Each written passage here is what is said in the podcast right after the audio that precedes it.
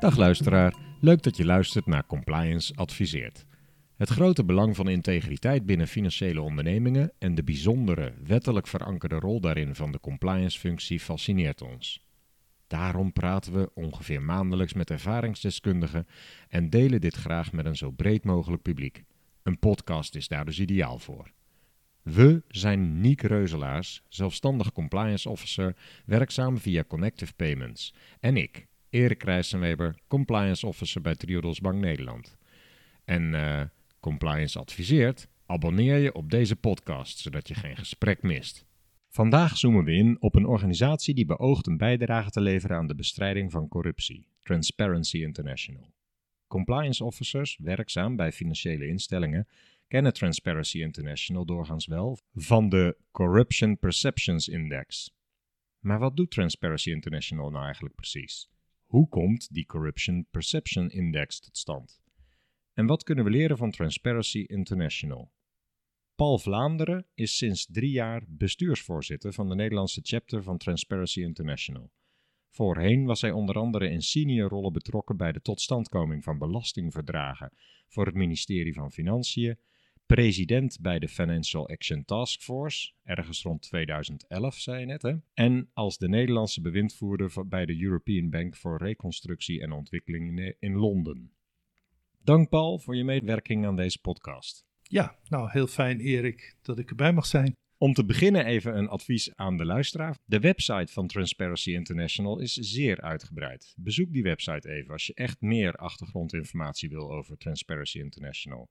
Maar toch, om de context van deze podcast te schetsen, gaan we eerst eventjes in op uh, de achtergrond van uh, Paul Vlaanderen, waar ik het net over had. Uh, je bent president bij de Financial Action Task Force geweest. Kun je daar iets over vertellen eerst?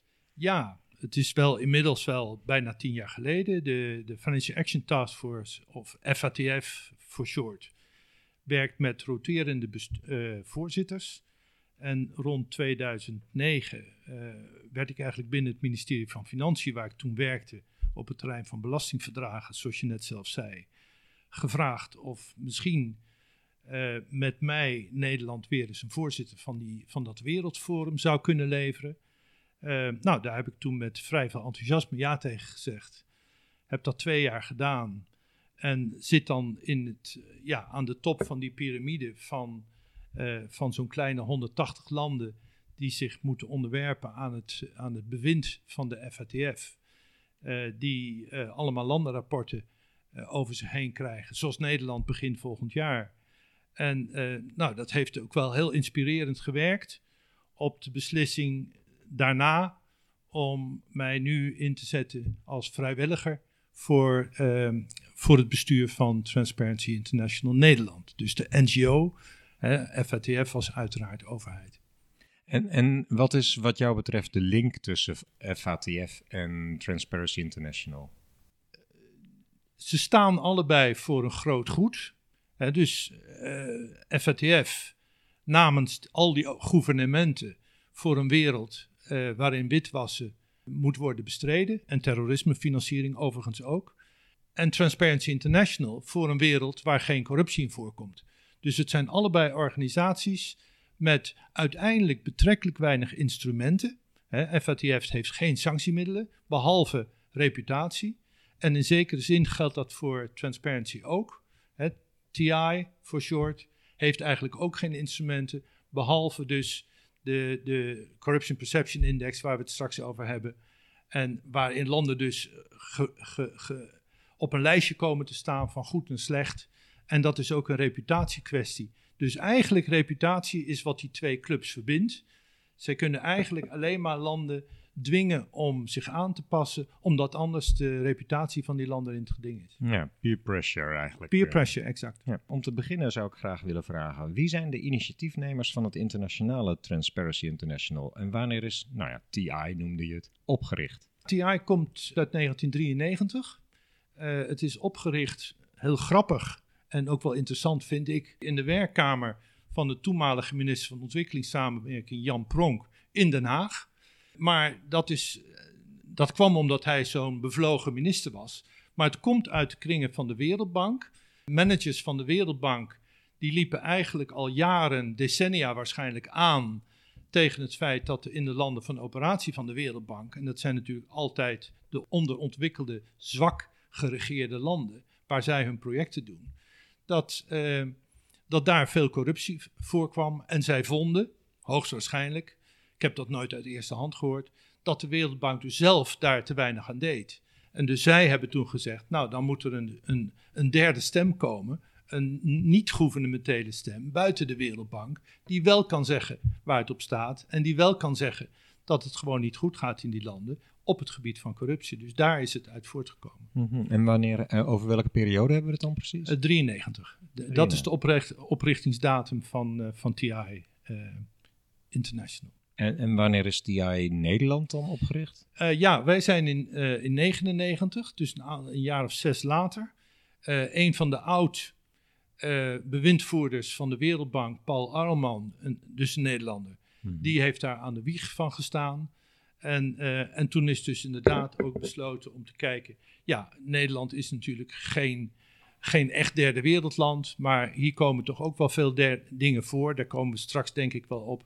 Mm En het is toch wel belangrijk dat we in Nederland ook een chapter hebben die daar aandacht aan geeft.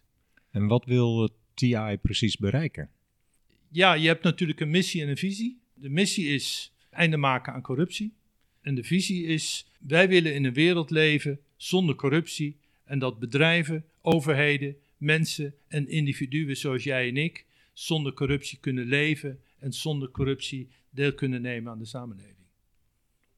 Helder. En op welke manier probeert uh, eh, TI dat te bereiken? Ja, makkelijk gezegd met, met drie stappen. We zijn een denktank.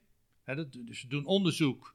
Niet alleen wij, maar de hele, de hele movement TI doet onderzoek naar uh, zaken die corruptie uh, aangaan. Als je zegt niet alleen wij, bedoel je dan de Nederlandse chapter? Ja, precies. Ja, niet alleen Nederland, maar uh, dat gebeurt dus wereldwijd. Ja. Dus, ja. dus we proberen met goede standpunten te komen. We proberen te ontdekken waar zit die corruptie en wat is het nou eigenlijk. En dan hebben we het eigenlijk twee grote instrumenten. Eén is dialoog. dialoog met bedrijven. aandacht voor het handelen in buitenland. monitoren van rapportages van bedrijven over corruptie. Daar hebben we een apart onderzoek voor. We hebben dialoog met overheden, met ministeries, parlement, parlementariërs en politici. En we doen bepleiten, advocacy in, in goed Nederlands. Dus dan zeggen we, ja, ook al wil jij misschien met mij de dialoog niet, we verheffen toch onze stem en we willen toch wel graag laten horen wat we ervan vinden. Een beetje terug naar de ontstaansgeschiedenis van TI bij de Wereldbank. Op een gegeven moment moet je iets toch kunnen zeggen, terwijl misschien niet iedereen het comfortabel vindt dat het gezegd wordt. Nou, eh, dus we hebben een Integrity Watch. Dat is een register van banen en cadeaus van parlementariërs. Dat is op Europees niveau al opgezet. We zijn nu bezig met een, met een Nederlands register dat daarover gaat. En we hebben ook een transparency pledge. Ja, sorry voor al deze lelijke woorden. Maar. Blijft een internationale organisatie. Dat is een integriteitsverklaring van individuele parlementariërs. Waarin zij dus zich verbinden aan integer handelen in hun beroepsuitoefening. En dat is ook al gebeurd in, op Europees niveau. En dat gaan we dus nu voor de komende Kamerverkiezingen in Nederland ook doen. Heeft uh, Transparency International ook invloed gehad op uh, de wijziging van uh, de zienswijze op de politically exposed persons dan in de WWFT? Zegt je dat iets? De, ja, sterker nog, als, als Nederlands bewindvoerder in, bij de EBRD in Londen was ik er zelf een. Ja. ik was een pep. ik denk dat je nog wel in Factiva of Dow Jones of iets, de, of Worldcheck of zo voorkomt. Zou zomaar kunnen, heb ik niet gecontroleerd. Nee. Nou ja, dat is dus een van de dingen waar we, waar we ons dus afvragen als het langskomt. Hè, we zijn vrij klein, zal ik ook zo uitleggen. Maar, uh, ja, dus we kunnen niet alles tegelijk doen. Maar dat is zeker een onderdeel van, van ons aandachtsgebied, ja. Ja, want um, nog even op dat register nog, wat je net noemde, van die banen van die parlementariërs. Je leest in, de, in het nieuws wel eens mensen die verontwaardigd zijn over politici die vervolgens bij de grote banken overal een baantje vinden. Is dat ook wat je bedoelt? Of? dat doen we ook, maar dat is niet wat ik hier bedoelde. Dat mm. is eigenlijk een beetje het draaideur gebeuren hè, tussen mm. parlementariërs en, en, en bedrijven. Hè, dat is, dat, dat houdt, hangt samen met lobbyen. Dat als je een minister van Verkeer en Waterstaat president maakt van de KLM binnen een half jaar, dan zou het kunnen zijn dat, de bedoeling is dat. Nou, we hebben gezien hoe dat afliep. Mhm. Eh, het liep af. En uh, dat, is, dat is zeker ook binnen ons aandachtsgebied. Onderdeel zeer van. Zeker, ja. Zeer zeker. Oké. En kun je iets vertellen over de successen die uh, Transparency International inmiddels behaald heeft? Ja, dat zijn er natuurlijk te veel op om te noemen. Maar ik, zal... Oké, we hebben ongeveer een uur. ja. uh, ik doe een greep. Dingen misschien die interessant zijn voor de luisteraar. En deze was voor ons interessant. In 2015 kregen we de Fraude Filmfestival Award. Dat is in Amsterdam elk jaar. En dat gaat over organisaties die zichtbaarheid en impact vergroten, waar het gaat over het debat over corruptie. Uh, daar waren we erg trots op. Was voor mijn tijd hoor, dus ik kan daar geen, zelf geen, geen, uh, geen credit voor claimen. En in 2018 kregen we nog een prijs. En dat was de Think Tank Award. Uh, en dat ging over de, de inzet, samen met anderen hoor, uh, die we hebben getoond voor totstandkoming van de EU-richtlijn over klokkenluiders. Mm -hmm. En over klokkenluiders zou ik het graag nog wel verder willen hebben in dit gesprek. Mm -hmm. Nou ja, dan gaan we weer even naar die dialoog. We praten met bedrijven. We hebben zelf bijna twintig leden bedrijven, dus daar spreken we mee, maar ook met anderen, ook met beroepsorganisaties. Ik mocht in 2018 een, een, een kleine speech houden voor President's Dinner van de Nederlandse Orde van Belastingadviseurs. Dus dan willen ze toch graag je stem horen. We praten met ministeries, uh, soms op ons verzoek, soms op hun verzoek. Uh, justitie, uh, economische zaken, financiën, binnenlandse zaken. En we praten met de politiek en politici. Hè? En in 2016, misschien is dat wel aardig, is er een is er een mini-enquête geweest over belastingontduiking. Ik weet niet of je dat nog herinnert. Ja, kan ik me Daar zijn wij toen uh, gehoord door, de, door het panel. En dat vond ik eigenlijk wel een hele eer. Dat dus, hè, dan blijkt dat je serieus genomen wordt. Ja. En in 2019, dus vorig jaar, uh, hebben we uh, gezeten in een hearing van de Tweede Kamer over integriteit in de publieke sector. Dus dan, dat is de dialoogpaard, dan word je dus inderdaad wel gehoord. We doen ook wel aan input aan onderzoeksjournalisten. Uh, maar daar kan ik dan verder wat minder over vertellen, want dat gaat dus wel vaak uh, off the record. Ja. Dialoog doen we ook wel via de media. Hè? We, het gaat, ik hoor, het gaat echt vele malen breder dan alleen die index die op de websites gevonden wordt. Ja, voor ons is dat maar een heel klein deel van. Het is eigenlijk, on, dat doen wij ook niet. Die, die wordt in Berlijn gemaakt. Mm -hmm. Dus die index, die, dat is eigenlijk het product van TI wereldwijd en niet zozeer van TI Nederland. Hoeveel medewerkers heeft uh, TI en uh, wat voor achtergrond hebben die medewerkers in Nederland? TI is klein. We hebben drie betaalde FTE's. En waaronder een splinternieuwe directeur sinds één week. En dat is Loes van der Laan, oud-politicus en uh, met heel veel ervaring in de, in, bij internationale organisaties. Nou, gefeliciteerd met haar vinden. Dank, dankjewel. Uh, ze is ook oud-parlementariër in het Europees Parlement. Um, we hebben een bestuur van, dus die worden betaald. We hebben een bestuur van zeven, hè, waarvan ik dan nu de voorzitter ben. Die zijn niet betaald. En we hebben sinds vorig jaar, en daar ben ik erg trots op, een raad van advies. Waar, uh, waar toch wel een aantal serieuze Nederlanders in hebben plaatsgenomen. zoals Jeroen Dijsselbloem en oud-ambassadeur Tom de Bruin en nog een aantal anderen. Ik kan ze allemaal noemen, maar dat, dat kun je ook op de website vinden. Dat zijn kennelijk allemaal mensen die hun hart ook op de juiste plek hebben zitten dan. absoluut, anders zouden ja. ze het niet doen. En ze brengen natuurlijk een wereld van ervaring met zich ja. mee waar we, waar we uit kunnen putten. Um, en over hart op de juiste plek. Wat is jouw persoonlijke motivatie om deze rol te vervullen voor Transparency International? Nou, ik heb het al een heel klein beetje aangestipt, denk ik, in de inleiding over FATF. Ik heb dus daar twee jaar lang alleen maar te maken gehad uh, met hoe landen het niet goed doen. En het gaat bijna altijd over uh, slechte overheid. En slechte overheid leidt tot slecht bedrijfsleven. Want uiteindelijk is het de wet en regelgeving en het handhaven uh, daarvan, wat, uh, wat bepaalt of een, of een samenleving goed functioneert of niet. Het zit natuurlijk voornamelijk in de normen en waarden van mensen, maar slecht voorbeeld doet slecht volgen. Hè, dus dat, dat was een hele belangrijke ontdekking, wake-up call. Daarvoor had ik te maken gehad met belastingverdragen. Ehm, ja, goed, Nederland heeft ook een bepaalde reputatie op, op fiscaal gebied. Ehm, ik heb daar dus in onderhandelingen met heel veel landen, eigenlijk over de hele wereld, van Noord-Amerika tot aan Japan, uh, gesprekken en onderhandelingen moeten voeren over die belastingverdragen. En dus ook aan de lijve ondervonden wat zij van Nederland vinden. Was dus dat toen al? Uh, ja, dat gaat heel ver terug. Hmm. Ja, het is, het is eigenlijk in de loop, aan het eind van het eerste decennium van deze eeuw, pas echt in de openbaarheid gekomen, maar het is veel ouder. Ja, Het, gaat heel, het gaat heel ver terug. Nou, en tenslotte, ja, uh, bewind voor de EBRD Londen. Dan gaat het over allemaal projecten. Even die afkorting. Oh, sorry, de Europese Bank voor Herstel en Ontwikkeling. Juist, die in je, ja, sorry. Had ik genoemd in de inleiding. Ja, ja, nee, maar toch, je hebt gelijk. Um, ja, die doen allemaal projecten in allerlei moeilijke landen. die moeten projecten doen in het, in het Egypte van meneer Sisi. En die moeten projecten doen in het Turkije van meneer Erdogan. En in, tot voor kort heel veel in Rusland. Dat is dan nu op, op onhold gezet. Oekraïne. Nou ja, noem alle moeilijke landen maar op. Daar moet EBRD uh, optreden, want dat is zijn missie. Dus je had daar in die board altijd de projecten moesten daar goedgekeurd worden. Je had altijd het gevoel van, ja, maar kunnen we nou wel met die partij en klopt dat nou wel? En die wel, hè, is, is die nou wel compliant en integer? Hè, die vragen die nu ook spelen.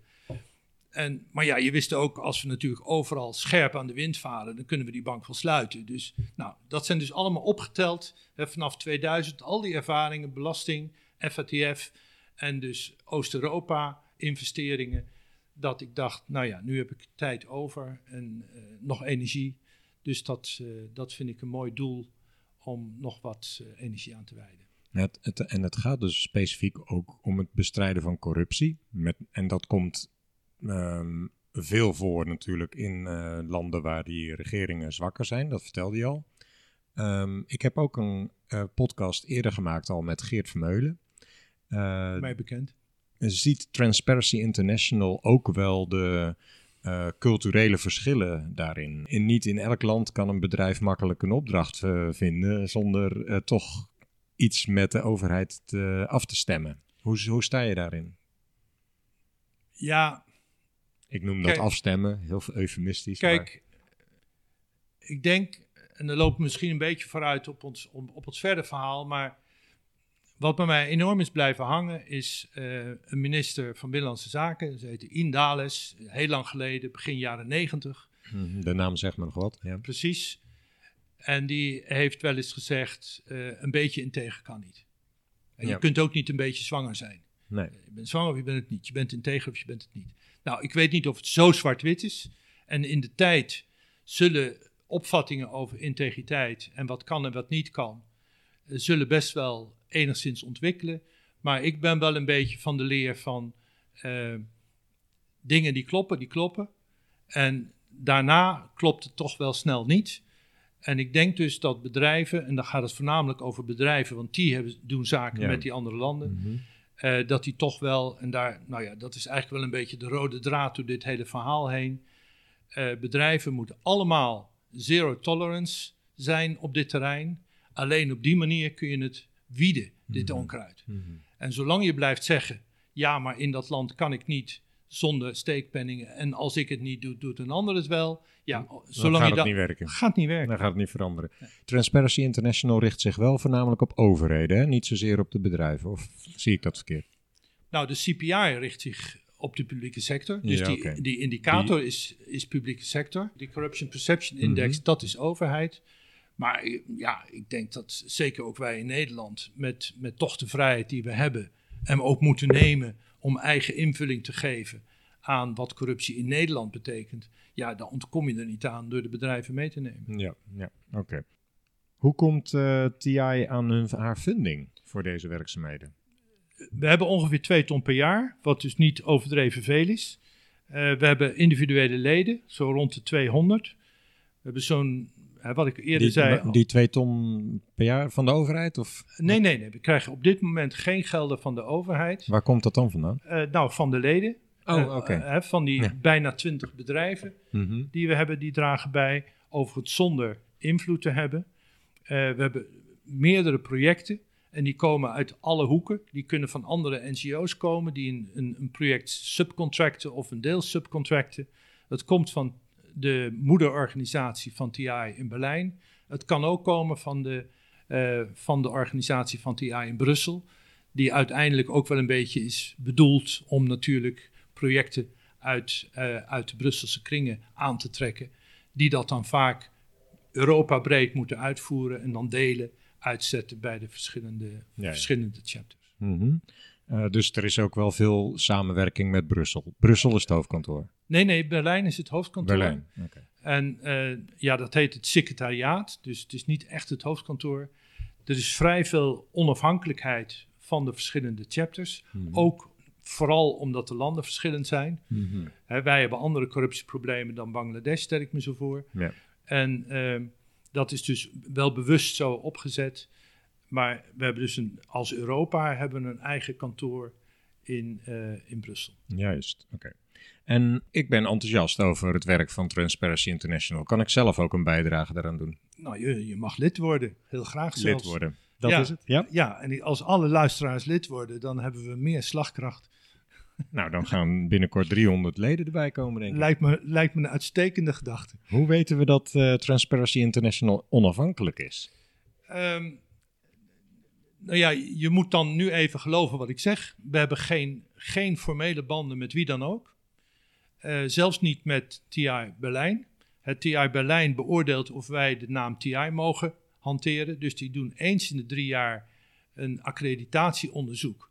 Of wat wij doen, dat dat valt binnen de grotere normen van de wereldbeweging. Mm -hmm. Voor de rest zijn we eigenlijk eigen baas. Mm. We hebben geen banden met niemand niet. Onze bedrijven die verklaren dat ze hun bijdrage niet gebruiken om ons te beïnvloeden. Kan ook niet, want alle bedrijven bij elkaar zijn ongeveer 25% uh, van onze begroting. En we hebben ook nog een aantal donoren. En natuurlijk de projectgerelateerde gelden, die dan natuurlijk wel op dat moment bepaalde doelen hebben, maar die hebben we dan ook in een project vastgelegd. Hmm, Oké. Corruptie. Waarom richt TI zich op dat onderwerp eigenlijk? Nou, volgens mij hebben we dat eigenlijk al wel besproken. Ja, maar to toch misschien toch nog even een, een kleinigheid erover. Er, er was ja. een interview met een Italiaanse journalist, Roberto Saviano, in, uh, in september vorig jaar in de Volkskrant. En die zei, niet Napels en Lagos zijn het probleem van corruptie, maar Londen en Amsterdam. Hij sprak van systematische corruptie. Nou, laat ik, ik vind het wel fijn om hier te zeggen, dat vind ik wel wat sterk gesteld. Er zijn de laatste tijd ook een, een, klein aantal Nederlandse politici die die indruk proberen te wekken dat Nederland echt fundamenteel corrupt is. Dat is niet onze lijn, dus daar neem ik afstand van. Maar het is ook wel zo dat we in Nederland neigen naar ontkennen. Want dat soort dingen gebeuren in Nederland niet. En dat is ook niet waar. Hmm. Ik denk dat je hier een, een, een snel onderscheid moet maken tussen hè, kleine corruptie, petty corruption. Hè, als je aangehouden wordt, moet je dan die motoragent een tientje geven. Anders krijg je een hele vette bekeuring. En als je naar het ziekenhuis gaat of naar scholen, dan hoef je ook geen geld te geven om toegang te krijgen. Maar er is ook natuurlijk zoiets als de, ja, de, de, de grand corruption, de grote corruptie, uh, witwassen, omkopen, al dan niet in het buitenland. En, en dus Nederland is niet zo uh, blank, wit als soms in Nederland gedacht wordt. Maar is dit dan voornamelijk een definitiekwestie dat Roberto Saviano er anders over denkt? Bedoelt hij dan juist die grand corruption? Nou ja, ik, ik spreek niet voor hem, maar ik, ik denk wel dat hij meer de aandacht vestigt op de, de grotere uh, affaires. En misschien ook wel affaires die ge, gerelateerd zijn aan drugshandel. Mm -hmm. wat, ja, wat via Nederland natuurlijk toch wel een beetje een issue is met een grote haven als Rotterdam. Met veel containers. En, uh, maar ja, goed, verder laat ik het voor zijn rekening. Ja, okay, maar ik wilde het eigenlijk in die context plaatsen. Ja. Om een beetje een, een beetje een paar grijstinten aan te brengen in hoe wij over corruptie denken. Ja, zijn dat de twee typen? De kleinere corruptie waarbij je bijvoorbeeld een overheidsambtenaar een uh, briefje overhandigt om iets gedaan te krijgen en juist het grotere echte omkopen? Nou, er zitten wel wat dingen tussen. ja? daar komen we denk ik nog wel langs. Dat oh. gaat natuurlijk ook wel over de integriteit van, van overheidsdienaren. Het gaat over de integriteit van politici. Het gaat over hun handelen, wat dan misschien wel hier en daar niet integer is. Het gaat over, toch ook wel over de uitvoering van wet en regelgeving door de overheid. Het gaat over handhaven van wet en regelgeving door de overheid. En ja, waar, wanneer wordt gedogen, toch eigenlijk toch wel een beetje ongemakkelijk. Mhm. Dus nee, er zitten wel veel grijstinten tussen. Ja, er zitten veel grijstinten in. Ja, heel veel. Want als je ook zegt, de integriteit van een ambtenaar maakt het voor eigen belang iets uitdoen, eigenlijk altijd onderdeel uit van corruptie wat jou betreft, of hoeft dat niet per se? Nou ja, dan komen we een beetje misschien op de definitie, de, de onze gehanteerde definitie van corruptie. Mhm. En misschien is het wel handig om die nu ook te delen. Ja, graag. Want dan heb je een beetje de, de context. maar het komt heel dicht bij wat je zegt. En onze definitie van corruptie is het misbruik van toegekende macht voor eigen gewin. Ja. dus een ambtenaar, in, in dit voorbeeld, heeft toegekende macht, want hij heeft die functie. En als hij die aanwendt, die macht, voor eigen gewin, dan is dat corruptie. En de tegenhanger is, en het woord is eigenlijk al vaak gevallen de afgelopen minuten, is integriteit. dus corruptie is een soort geperverteerde integriteit. dus integriteit, en er is een hele aardige definitie van die ik eigenlijk ook wil delen. Behalve dan dus uh, die van Indales al, van een beetje integer kan niet. Mhm. Maar corruptie, uh, integer zijn, is het goede doen ook als niemand kijkt. Was dat niet Socrates die dat zei? Dat zou kunnen. Ja, dat weet ik. Ik ken de, de oorspronkelijke bron ken ik niet. Dus het goede doen als niemand kijkt. En ook als het verkeerde doen legaal is. Integriteit zit heel diep hmm. in de mens. Dat hmm. zijn normen en waarden. Hmm. dat je aan je theewater voelt Nee, maar dit is eigenlijk niet goed. Ja, het mag wel. Heb je daar nou als je regeringsvertegenwoordigers of, uh, hè, want je, je bent vaak aan het lobbyen bij dat soort partijen. Heb je daar nou veel discussie over? Wat jullie beschouwen als corruptie en wat zij beschouwen als corruptie? Mm, nee. Of zijn jullie het snel eens over uh, nou, wat daar gebeurde, dat kan niet? Nee, ik kan niet zeggen dat ons vaak voor de voeten geworpen wordt van... ja, jullie vinden dat nou wel niks, maar wij vinden dat wel oké. Nee, zo werkt het niet. Nee, nee. nee. Meestal als wij, als wij met iets komen, dan wordt wel aangevoeld... dan is er nattigheid. Ja. Toch tenminste wel. Mooi. Ja. Kun je enkele voorbeelden uit het uh, ja, recente of misschien wat langere nieuws van corruptiegevallen in Nederland noemen? Ehm, ja, ook dat, zijn er natuurlijk, ook dat zijn er natuurlijk heel erg veel. Ehm, Dan klinkt het toch wel heel erg. nou ja, het zijn grotere en kleinere. Uh, bij de bedrijven hebben we toch te maken, en misschien komen we daar nog wel iets meer in detail over te spreken, uh, met name over gedragingen van bedrijven in het buitenland. Er zijn bedrijven die hier veroordeeld zijn. Hè, Vimpelcom, ik weet niet of je dat mhm, voorbeeld mhm. kent. Ja, gerelateerd aan ING toch? Uh, nou, Vimpelcom is voornamelijk gerelateerd aan Telecom in Oezbekistan. Ja. En de dochter van de president. Maar die had een rekening bij ING. Oh, dat is, dat is mogelijk. ja. Maar het gaat eigenlijk voornamelijk om het gedrag van uh, de dochter van de president. Die bedrijven had mhm. in Nederland. En via Nederland werden dus die, die, die, uh, die gelden geregeld. En daar, is in, daar zijn dus in Nederland hele grote boetes op gegeven. Mhm. En uh, nou ja. Oh, en op, op het corruptiegeval of op het witwasdeel? Uh, nou ja, dan is, dan is de vraag, is witwassen corruptie? En in mijn definitie is witwassen corruptie. Is dat één en hetzelfde wat jou betreft? Ja, corruptie, corruptie is een veel, veel koppig monster, wat mhm. mij betreft. En corruptie is fraude, corruptie is witwassen, corruptie is vriendjespolitiek, of liever gezegd, vriendjespolitiek is corruptie, uh, valsheid in geschriften. Uh, dus er is een hele rij gedragingen die wij als corruptie aanmerken, en jij waarschijnlijk ook. Mm dat, dat, we weten dat dat gedrag, dat is corrupt. Dat is namelijk het misbruik van, van, mm van je positie. Wat onder die definitie Voor eigen gewin. Mhm. Ja, precies. Nog andere voorbeelden misschien?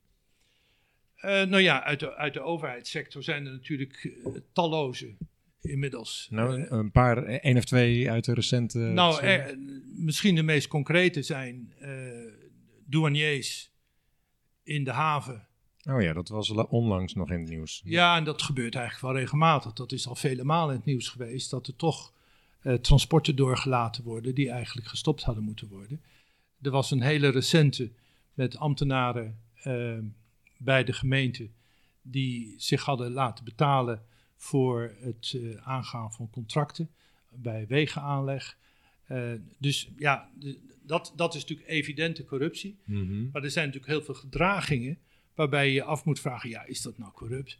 Uh, Kamerleden die, die, die in het vastgoed zitten, of Kamerleden, die, eerste Kamerleden, die blijken eh, niet alleen woordvoerder te zijn op, op onderwerp A, maar ook een consultancybedrijf te hebben op datzelfde onderwerp.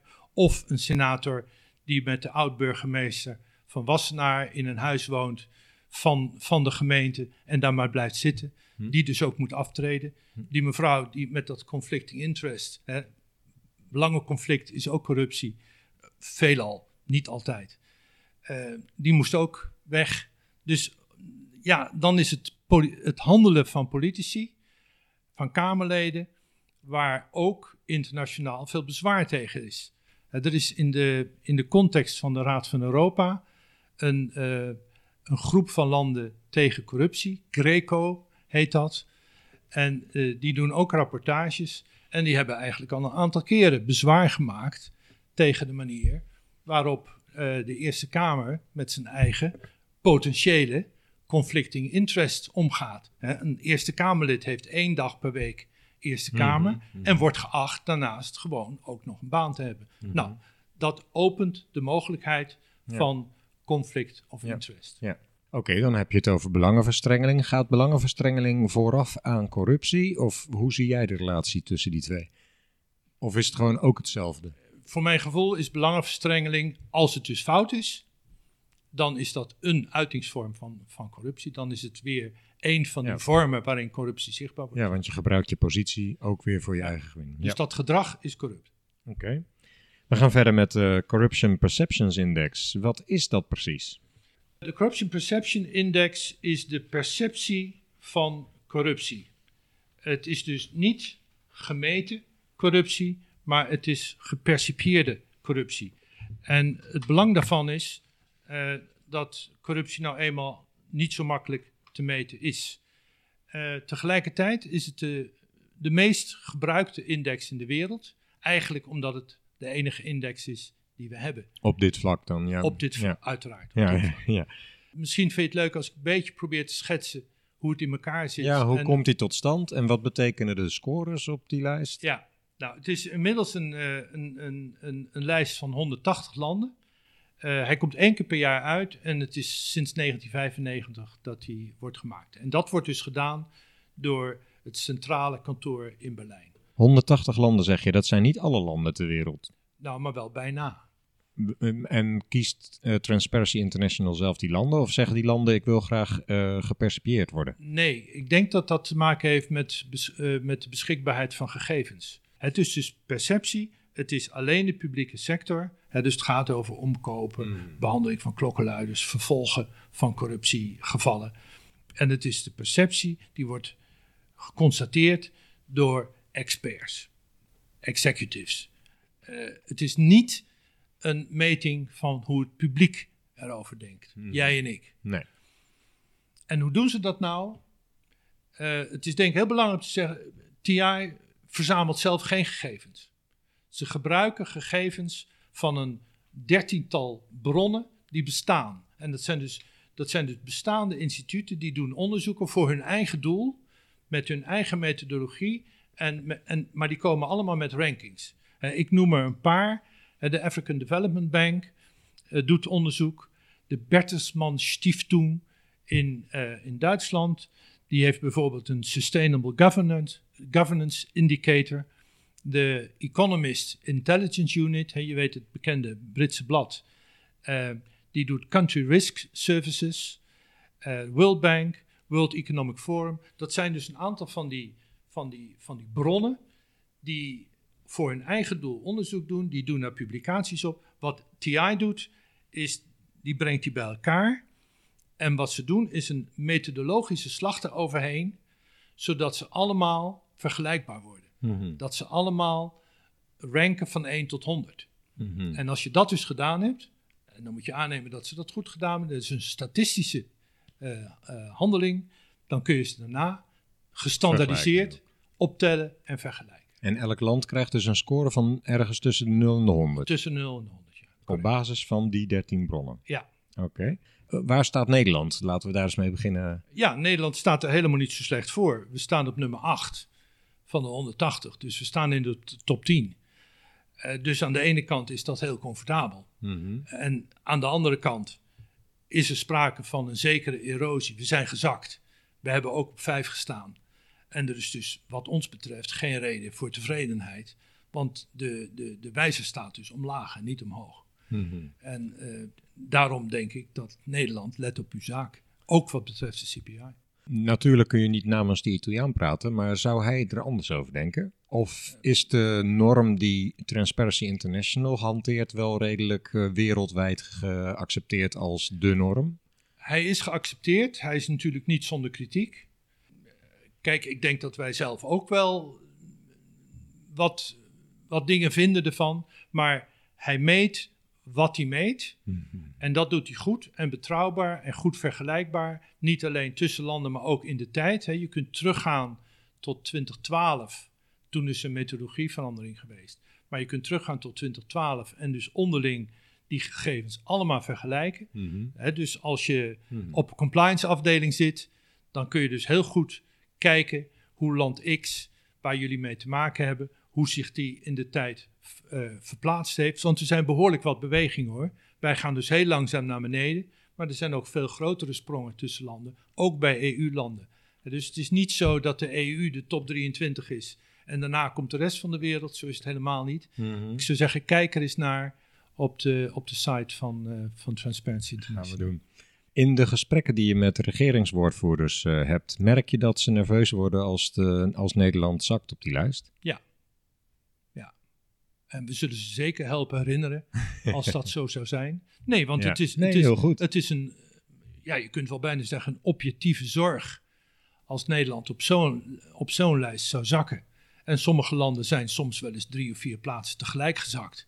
Ja, dan denk ik dat dat, dat wel een red flag is om eh, in compliance termen te spreken. En is dan nog eenvoudig te herleiden waar dat dan in, waarom dat in zit? Kun je dat dan nog uitleggen aan die landen? Jullie zijn drie plaatsen gezakt, maar ik heb geen idee waarom. Nee, Of- nee, nee. Of er kun je zit, dat nog... Nee, er zit, een, Ja. er zit wel een landenanalyse onder. Ja, ja, oké. Ook Eh, in de, eh, in de, op de website kun je daar verder je in verdiepen? Eh, of? ja, dat denk ik, dat denk ik wel. Ja, Oh, dat, ja. hier even een kleine slag om de arm. Maar ik, ik denk dat dat op de website te vinden zou moeten zijn. En hoe vaak wordt die index ververst? Is dat Vier jaar. jaarlijks? El, jaarlijks, oké. Weet je welke score dan Nederland, want we staan achtste op de lijst, maar hoeveel eh, punten twee- hebben we? 82. 82. Ja. En, en om een beetje een gevoel te krijgen wanneer begint het shady te worden om nog zaken te doen met zo'n land? Ja, dat is niet aan mij. Dat is, da- daar ben jij van bij een bank. Oh, Ja. ik hoopte dat je zelf daar een gevoel voor wilde meegeven, maar... Nee, dat, dat, dat, ik, geloof, ik geloof niet dat het verstandig is om te zeggen dat het bij 43 gevaarlijk wordt. Nee, oké. Nee, nee, Nee, dat- nee, zo benaderen jullie het ook niet. Nee, zo benaderen we het niet. En bovendien hangt dat denk ik ook heel sterk af van de transactie die je wil doen in een bepaald land. Ja. Ja, dus nee, dat is voor iedere, voor iedere partij, een bedrijf of een financiële instelling of wie dan ook. Die moeten zelf hun analyse maken of dit voor hen een risico is of, of misschien wel niet. En merk je nou duidelijk dat er een samenhang is tussen eh, de scores en bijvoorbeeld het zijn van een westers land of het zijn van een derde wereldland of Af- Afrika? Of... Ja, dit, dit, dit vind ik een beetje lastig. Ik kan niet ontkennen dat ik het gevoel heb dat er wel enig verband bestaat. Het gaat dus eigenlijk toch niet om wat er in een land zelf gebeurt, maar ook wat partijen die van buiten komen, die in dat land doen. En eh, als dus Nederland het vrij goed doet, maar grote partijen uit Nederland doen zaken in landen die zwakker zijn. En de normen die hier gelden en geacht worden nageleefd te worden. Maar ze daar niet. Uh, en daar niet. Ja. ja. dat meet de CPI niet. Maar dat kan wel in de perceptie van die mensen doordringen. Ja, maar ik, ja, maar ik kan me voorstellen dat dat een iets dominantere plaats zou kunnen krijgen. Als ik dat gezegd heb, moet ik er wel direct bij zeggen dat Transparency heeft daar wel ook een apart verhaal over. En dat is, ik zei al, de, de, de, de, de, de OESO heeft een conventie tegen, tegen uh, bribery. Wat TI al heel lang doet, is bekijken en beoordelen of de landen die deel uitmaken van, of een aantal van de landen die daar deel van hebben, of die dat ook goed naleven en handhaven. Mhm. En als je dan kijkt naar Nederland, dan doet Nederland het helemaal niet zo goed. Mhm. Dus je kunt zeggen, CPI zou het in moeten zitten. Je kunt ook zeggen, uh, eh, TI heeft twee belangrijke indicatoren, CPI en de Corruption Perception Reports die ze regelmatig doen. Nee. Ehm, ik kan me ook nog voorstellen dat er een samenhang is tussen armoede en, want je zegt het hangt heel sterk samen met een sterke overheid. Nou, in een arm land is het misschien lastiger om een sterke overheid overeind te houden. Ja. Bevordert zo'n lijst niet eigenlijk dan dat, uh, dat verschil? Want met die landen wil je dan misschien als rijk land minder zaken doen en daarmee blijven ze arm en daarmee wordt het dus moeilijker voor zo'n land om een sterke overheid te hebben. Ja, ik snap de redenering, maar dat is uiteraard nadrukkelijk de bedoeling niet. Uh, de bedoeling is dat, uh, dat partijen, zoals grote bedrijven, dat die natuurlijk meewerken om het law and order, trias politica, democratie, om die te stimuleren, om die te helpen, om die te ondersteunen. En dat doen regionale eh, ontwikkelingsbanken ook, dat doet de VN ook. Mhm. Eh, en ja, banken en bedrijven en andere instanties die zaken doen, die moeten dat dus ook doen. En op die manier kun je dus proberen om de, de, de, de regimes en de gouvernementele situaties daar te versterken. Maar het is, het is heel lastig. Volgens mij zijn we toe aan het volgende onderwerp. Namelijk, vertel. De vertaalslag naar de praktijk van financiële instellingen.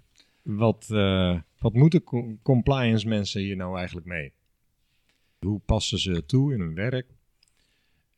Ja, kijk, ik ben zelf geen compliance eh, persoon, dus ik ga compliance mensen niet vertellen wat ze moeten doen en wat ze niet moeten doen. Uh, ik, ik wilde eigenlijk kijken of we niet een, een, een paar eh, onderwerpen bij de kop kunnen nemen. Uh, waaruit zou moeten blijken wat er eigenlijk zou moeten gebeuren. Ook op het gebied van compliance. Maar ik wil het graag in een wat breder uh, ja, lichtplaats, is goed vindt. Ja. Ik wil eigenlijk drie, drie onderwerpen uh, zou ik aan de orde willen stellen. En dat is nou ja, toch witwassen. We zijn daar natuurlijk al een paar keer langsgekomen. Uh, ik zou het toch ook wel even willen hebben over, over klokkenluiders.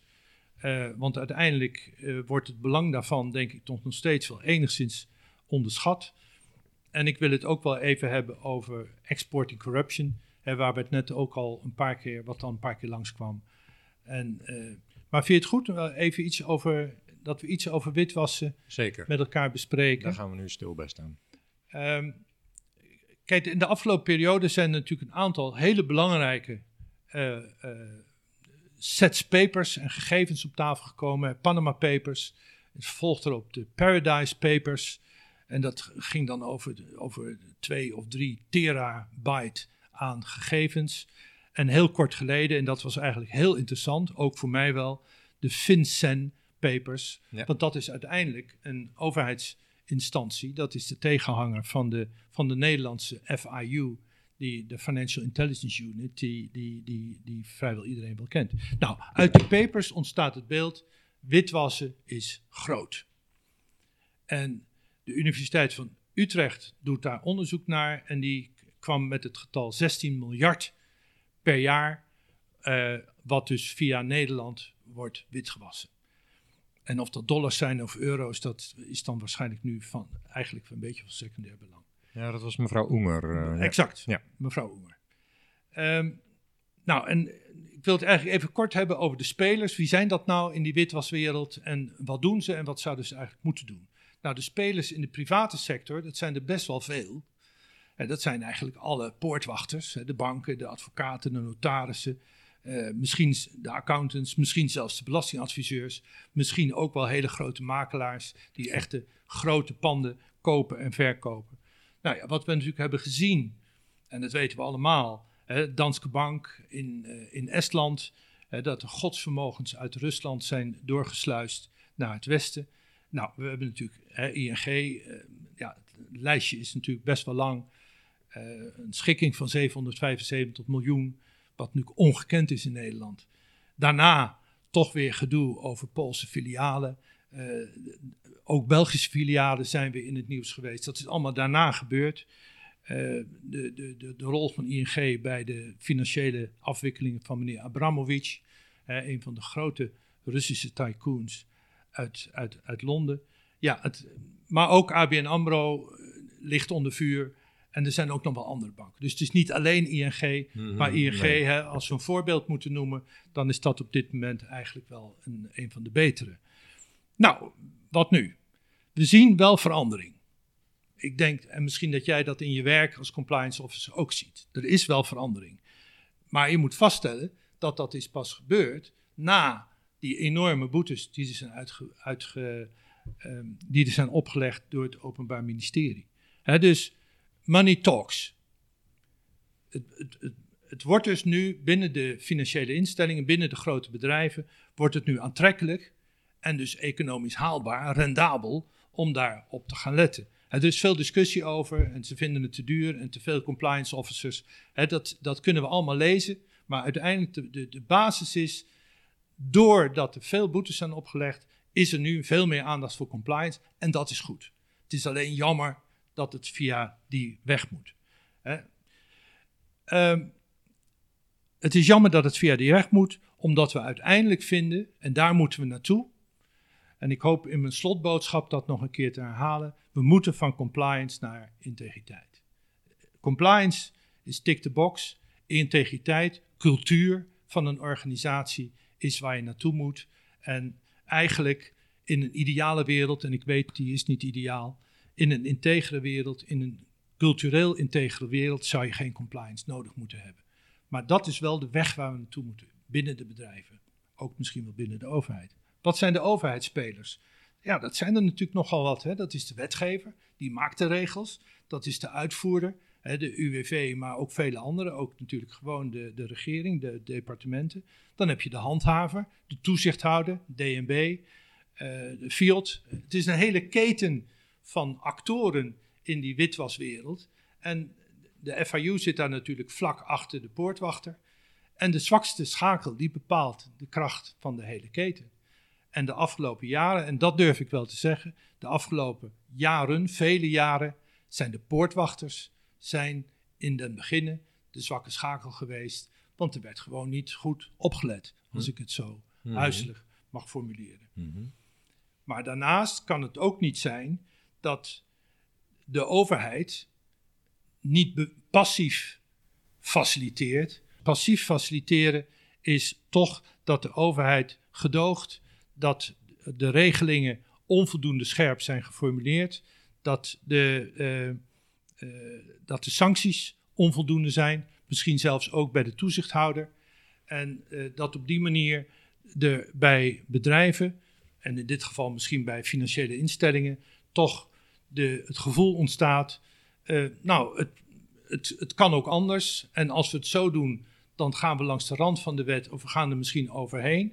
Maar de toezichthoudende capaciteit heeft ook zijn beperkingen. En als we in de fout gaan, dan heeft dat ook zijn beperkingen. Dus dan is het een economische propositie om scherp aan de wind te varen. En ik denk uiteindelijk dat de overheid er wel naartoe zal moeten, uh, ook in zijn toezichthoudersfunctie en handhaversfunctie, om daar veel scherper in te zijn. we hebben een poosje geleden een interview mogen geven aan, aan Dagblad Trouw was dat. En dat ging over de blaffende hond die moet kunnen bijten.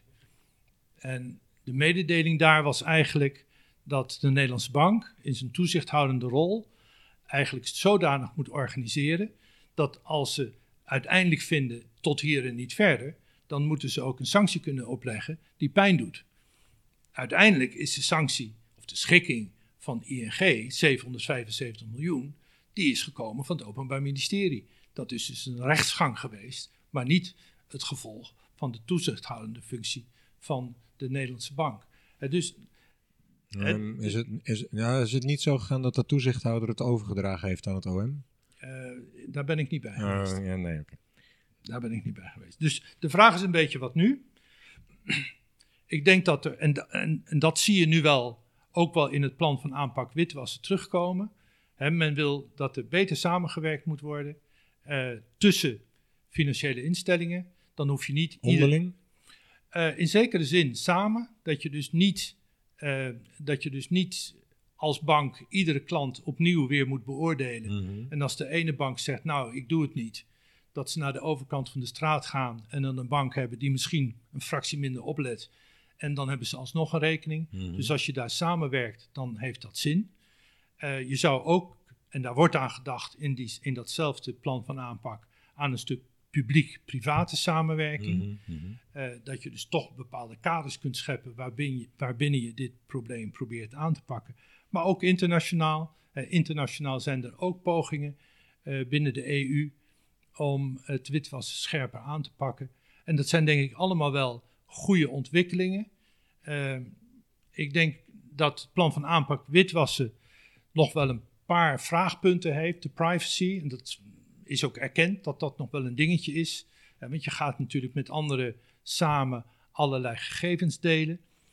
Als banken of financiële instellingen samenwerken, dan zou er een moment komen dat er een mededinging-issue is. He, uiteindelijk mogen banken, commerciële instellingen, mogen niet te veel dingen met elkaar delen. Zeker geen commerciële delen, dingen, maar dat gaan ze misschien ook niet doen. En, uh, en tenslotte is het wat ik gezelligheid noem. Dat is de publiek-private samenwerking. Dat als financiële instellingen met de handhavers en de toezichthouders aan één tafel gaan zitten en dat lang genoeg doen, dan is de vraag: is die toezichthouder en is die handhaver dan nog in staat om objectief een van de partijen aan de andere kant van de tafel de maat te nemen? Ik zeg niet dat het niet kan, ik zeg alleen dat we moeten oppassen voor dat, dat al te zou... gezellige, intieme Mhm. relaties tussen die partijen aan die ene tafel. Nou, je hebt eerder in dit interview eh, de FinCEN-files eh, aangehaald. En naar aanleiding van die FinCEN-files kwam de FATF met een bericht. eh, let op, wij hebben ook steeds overheden erop gewezen dat ze aan hun verplichtingen moeten voldoen. Dat vond ik wel een interessante, want er werd eigenlijk weer alleen gekeken naar... ehm, wat doen de banken nou eigenlijk ter, ter bestrijding van het witwassen? De FATF um, kwam toch met een soort van tegengeluid. Zo interpreteerde ik het in ieder geval. Um, heb je daar uh, nog kennis van kunnen nemen? Nou, ik heb het niet gezien, maar het is eigenlijk wel een beetje de echo van wat ik nu eigenlijk probeer ook zelf te zeggen. He, je, kunt, je kunt dus de banken de maat nemen en dat moet ook gebeuren, hè. laat daar geen twijfel over bestaan. En, en ik ben zelf buitengewoon kritisch op wat de banken gedaan hebben de afgelopen decennia. Maar je kunt, Voorstelbaar. Ja. Maar je, kunt, je moet erkennen dat er meer partijen zijn die daar een rol bij moeten spelen. Ja. Nou vind ik het op dit moment een beetje flauw om te zeggen, ja, de FIU heeft niet genoeg capaciteit en de, en, en, de, en de vervolgers hebben niet genoeg capaciteit. Dat kan allemaal best waar zijn, maar als jij bankwezen net tien jaar op je, op je handen hebt gezeten, dan kun je niet verwachten dat de overheid een heel apparaat klaar heeft staan voor het geval de, de, de, de foute meldingen wel doorkomen. Ja. Dus dat is een. De, de overheid zit dan ook in transitie. Als er meer meldingen komen, en ik hoop van goede kwaliteit, dan moet de overheid natuurlijk mee opschalen. Dus die rol is er. Mm -hmm. Dus in die zin moet iedereen wel, in die keten, moet iedereen wel zijn ding doen. Wat mij nu opvalt is, ik had eigenlijk gedacht, Transparency International gaat over een specifiek onderwerp, corruptie. Wat je nu vertelt, vind ik, lijkt mij veel breder dan, in ieder geval, dan wat ik had verwacht.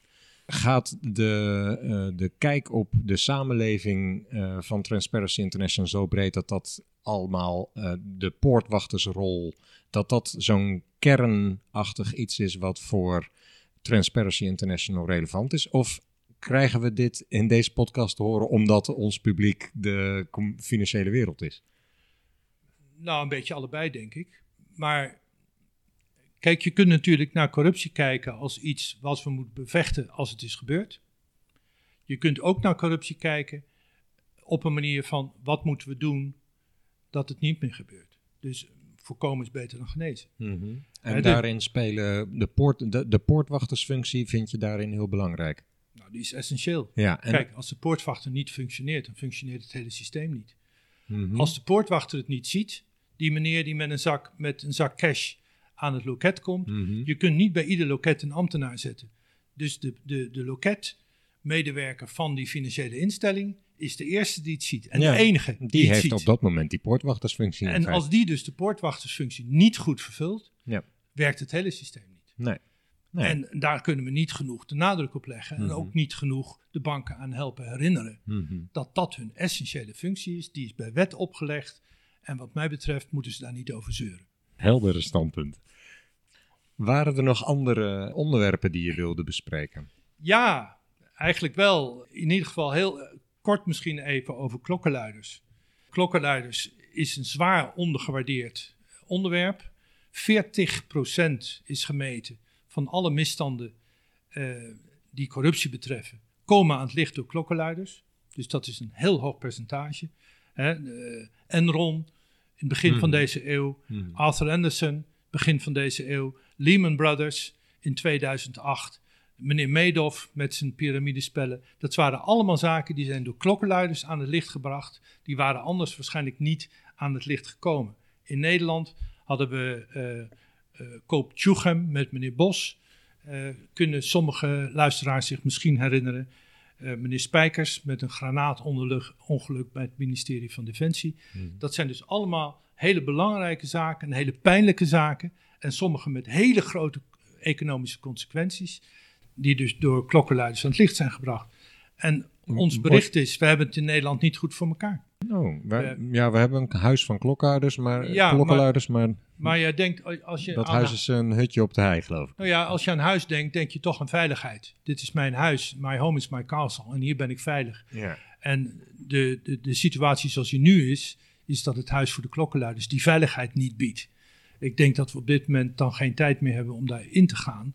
Ik, ik zou het bijna aanbevelen voor een aparte podcast een keer. Nou, Maar het is een, het is een heel ingewikkeld, het is een mooi onderwerp, het is een ingewikkeld onderwerp. Maar wat we op dit moment hebben in Nederland, is dat we bezig zijn om een tamelijke zwakke wet, namelijk de implementatie van de Europese klokkenluidersrichtlijn, die, om die te, te bouwen op een, op een huis met een zwak fundament. Dus Hmm. we hebben twee keer zwak. En eh, wij hebben het gevoel dat in de komende jaren dat, eh, dat er dus geen goed systeem uit gaat rollen voor de Nederlandse klokkenluider. ik wil je wel de gelegenheid geven om misschien nog een ander onderwerp even kort aan te stippen als je wilt. En dan gaan we af naar, terug naar de afronding. Ja, nou misschien kort over exporting corruption. We hebben het eigenlijk toch al een paar keer in het gesprek gezegd. Hè, eh, export van corruptie is het handelen van Nederlandse partijen in derde landen. Corruptie kost levens. Corruptie vernietigt samenlevingen en vooral in kwetsbare landen. Ehm, de de OESO-conventie die, eh, die, de, eh, die, eh, tegen, tegen buitenlandse omkoping, die bestaat. TI heb ik al verteld, die, die beoordeelt dat. En over een paar dagen komt een nieuw rapport uit van TI over de handhaving van de elementen van die OESO-conventie tegen omkoping. En Nederland doet het daar eigenlijk gewoon ook niet goed. Er zijn toch veel vermoedens van, eh, van verkeerd handelen voor, bij projecten in het, in het buitenland. We hebben firma Van Oort in Angola is in het nieuws geweest. Ja. Shell in Nigeria is eigenlijk nog steeds in het nieuws. En kort geleden IHC in, eh, in Brazilië. En dat zijn dus pri- private partijen die, als de vermoedens juist blijken, die dus inderdaad gewoon in de fout zijn gegaan. Wat ik interessant vind, en dan komen we misschien even terug weer op dat faciliteren van, van de overheid. In Angola, dus bij Van Oort, eh, is er een lening gegarandeerd door kredietverzekeraar eh, Atradius. Eh, en daar zit dus een element van faciliteren in. Actief faciliteren. Eh, in elk geval een actieve rol bij een, eh, een project dat, dat toch op zijn minst shady is. In Nigeria, eh, en dat is uitgebreid in de pers geweest, schijnt zo dat de Nederlandse ambassadeur heeft Shell ingeseind toen de Fiat op bezoek kwam in Nigeria om onderzoek te doen naar de perikelen die daar spelen met hun offshore licenties. Uh, ja, ik zou dat toch ook wel bijna actief faciliteren willen noemen. En voor Brazilië geldt, IAC, ehm, die, die, die, die, die vermeende corruptiekwestie speelde een tijdje geleden. Maar IAC is vrij kort geleden door de overheid gered. Nou, die drie dingen, daar, daar past dus overheidshandelen en privaathandelen, past daar in elkaar op een manier die ik wel met vraagtekens omkleed vind. Hm. Uh, dus Nederland zit wat betreft export en corruption, zitten we bij de zaterdag amateurs. We zitten niet in de eredivisie. We zitten in de, in de, in de, in de box van limited enforcement. En dat komt wel voor een deel omdat we een vrij een relatief groot aandeel hebben in de, in de wereldhandel. Wat zouden wij uh, in de financiële sector met dit type export en corruption kunnen doen? Nou ja, ik zou bijna zeggen, uh, let nog beter op dan je al deed misschien. Kijk, banken hebben natuurlijk altijd rollen te spelen bij dit soort internationale transacties. Tenzij deze bedrijven dat toevallig allemaal uit eigen middelen hebben gefinancierd. Maar veel, vaak is dat toch ook niet zo. Ik, ik weet niet bij welke bank IHC zat uh, toen dit gebeurde. Ik ook niet, gelukkig. Maar dus dat komt dus ook niet in het nieuws dan? Uh, nee. Dus de maar ja, de, de, de, dat is dus een kwestie van due diligence. Van, van hoe beoordelen jullie projecten die, waarvoor, jullie, waarvoor bij jullie financiering wordt gevraagd. En... Uh, ja, ik, ik kan me voorstellen dat dat nog beter kan. In eerste instantie ligt die verantwoordelijkheid bij IAC en bij de mensen die je net noemde vanuit de regering misschien? We hebben het weer over cultuur en integriteit. Mhm. En alweer is er bij mij gewoon geen twijfel. Nee. Dat, hè, dit zijn vermoedens, dus ik ga hier niet over oordelen. Maar in gevallen dat het echt fout gegaan is. in, het, in het verleden, Boskalis geloof ik en SBM Offshore, die zijn inderdaad veroordeeld in het verleden. Ja, nou dan is dat dus een kwestie van cultuur en integriteit binnen die bedrijven. Ja. En de banken kunnen daar een rol bij spelen, moeten die misschien ook spelen. En misschien nog wel iets scherper dan ze nu doen. Ja. Maar ik vind wel, de eerste verantwoordelijkheid ligt daar. Ja. Nou, um, ik denk dat we het echt wel hierbij uh, bij moeten laten. Ook al heb ik het gevoel dat er nog best nog veel in had gezeten. We grijpen altijd aan het einde van de podcast even terug aan, op de titel van de podcast. Compliance adviseert. Heb jij nog een, uh, een advies naast alles wat je al verteld hebt? Ja, ik, ik, ik zou eigenlijk. Ja, ik zou eigenlijk uh, compliance mensen willen adviseren, vragen. Het is echt een, een, een, een, een hulproep. Hou vol. Wat jullie doen is onvoorstelbaar belangrijk. En we zien dus nu in de afgelopen jaren een enorme groei van compliance afdelingen. Het mag niet zo zijn dat dat uiteindelijk een, een zoenoffer is aan een maatschappelijk klimaat dat gedraaid is ten opzichte van dit soort transacties. Hou vol. Het is uiteindelijk, en ik zei het al even, het is uiteindelijk gewoon economisch gezond verstand om compliant te zijn. En werk in je bedrijf zoveel mogelijk naar een, een, een cultuur van integriteit, uh, zodat het eigenlijk vaker vanzelf goed gaat en dat je als compliance afdeling uh, minder hoeft op te treden en minder hoeft te corrigeren. Want ik neem aan dat je dan ook tegenwind krijgt binnen je eigen bedrijf. En dat wil je eigenlijk liever niet. Dus werk aan de cultuur en, uh, en blijf het vooral doen. Want we hebben het met z'n allen heel erg nodig. En wij kunnen alleen maar wat zeggen, maar jullie kunnen wat doen. Hartelijk bedankt, Paul Vlaanderen. Ik heb uh, aan je lippen gehangen. Ik vond het een heel mooi verhaal. En ook dank trouwens aan Arjen Tillema. Met, uh, door hem ben ik met je in contact gekomen. dank voor alle informatie. Succes ook in de toekomst met Transparency International. Jullie dragen bij aan een veilige en rechtvaardige samenleving op deze manier. Daar kunnen we als compliance officers goed gebruik van maken van die uh, Corruption Perception Index. Ik denk uh, dat ik de luisteraar tenslotte nog even wil wijzen op de mogelijkheid om de podcast Compliance Adviseert pagina op LinkedIn te volgen. Want op die manier mis je geen enkele podcast. Heel graag tot de volgende keer. En uh, Paul, zullen we vast afspreken voor de volgende keer? Uh, prima. nou, maar in ieder geval deze keer graag gedaan. Dankjewel. Dag.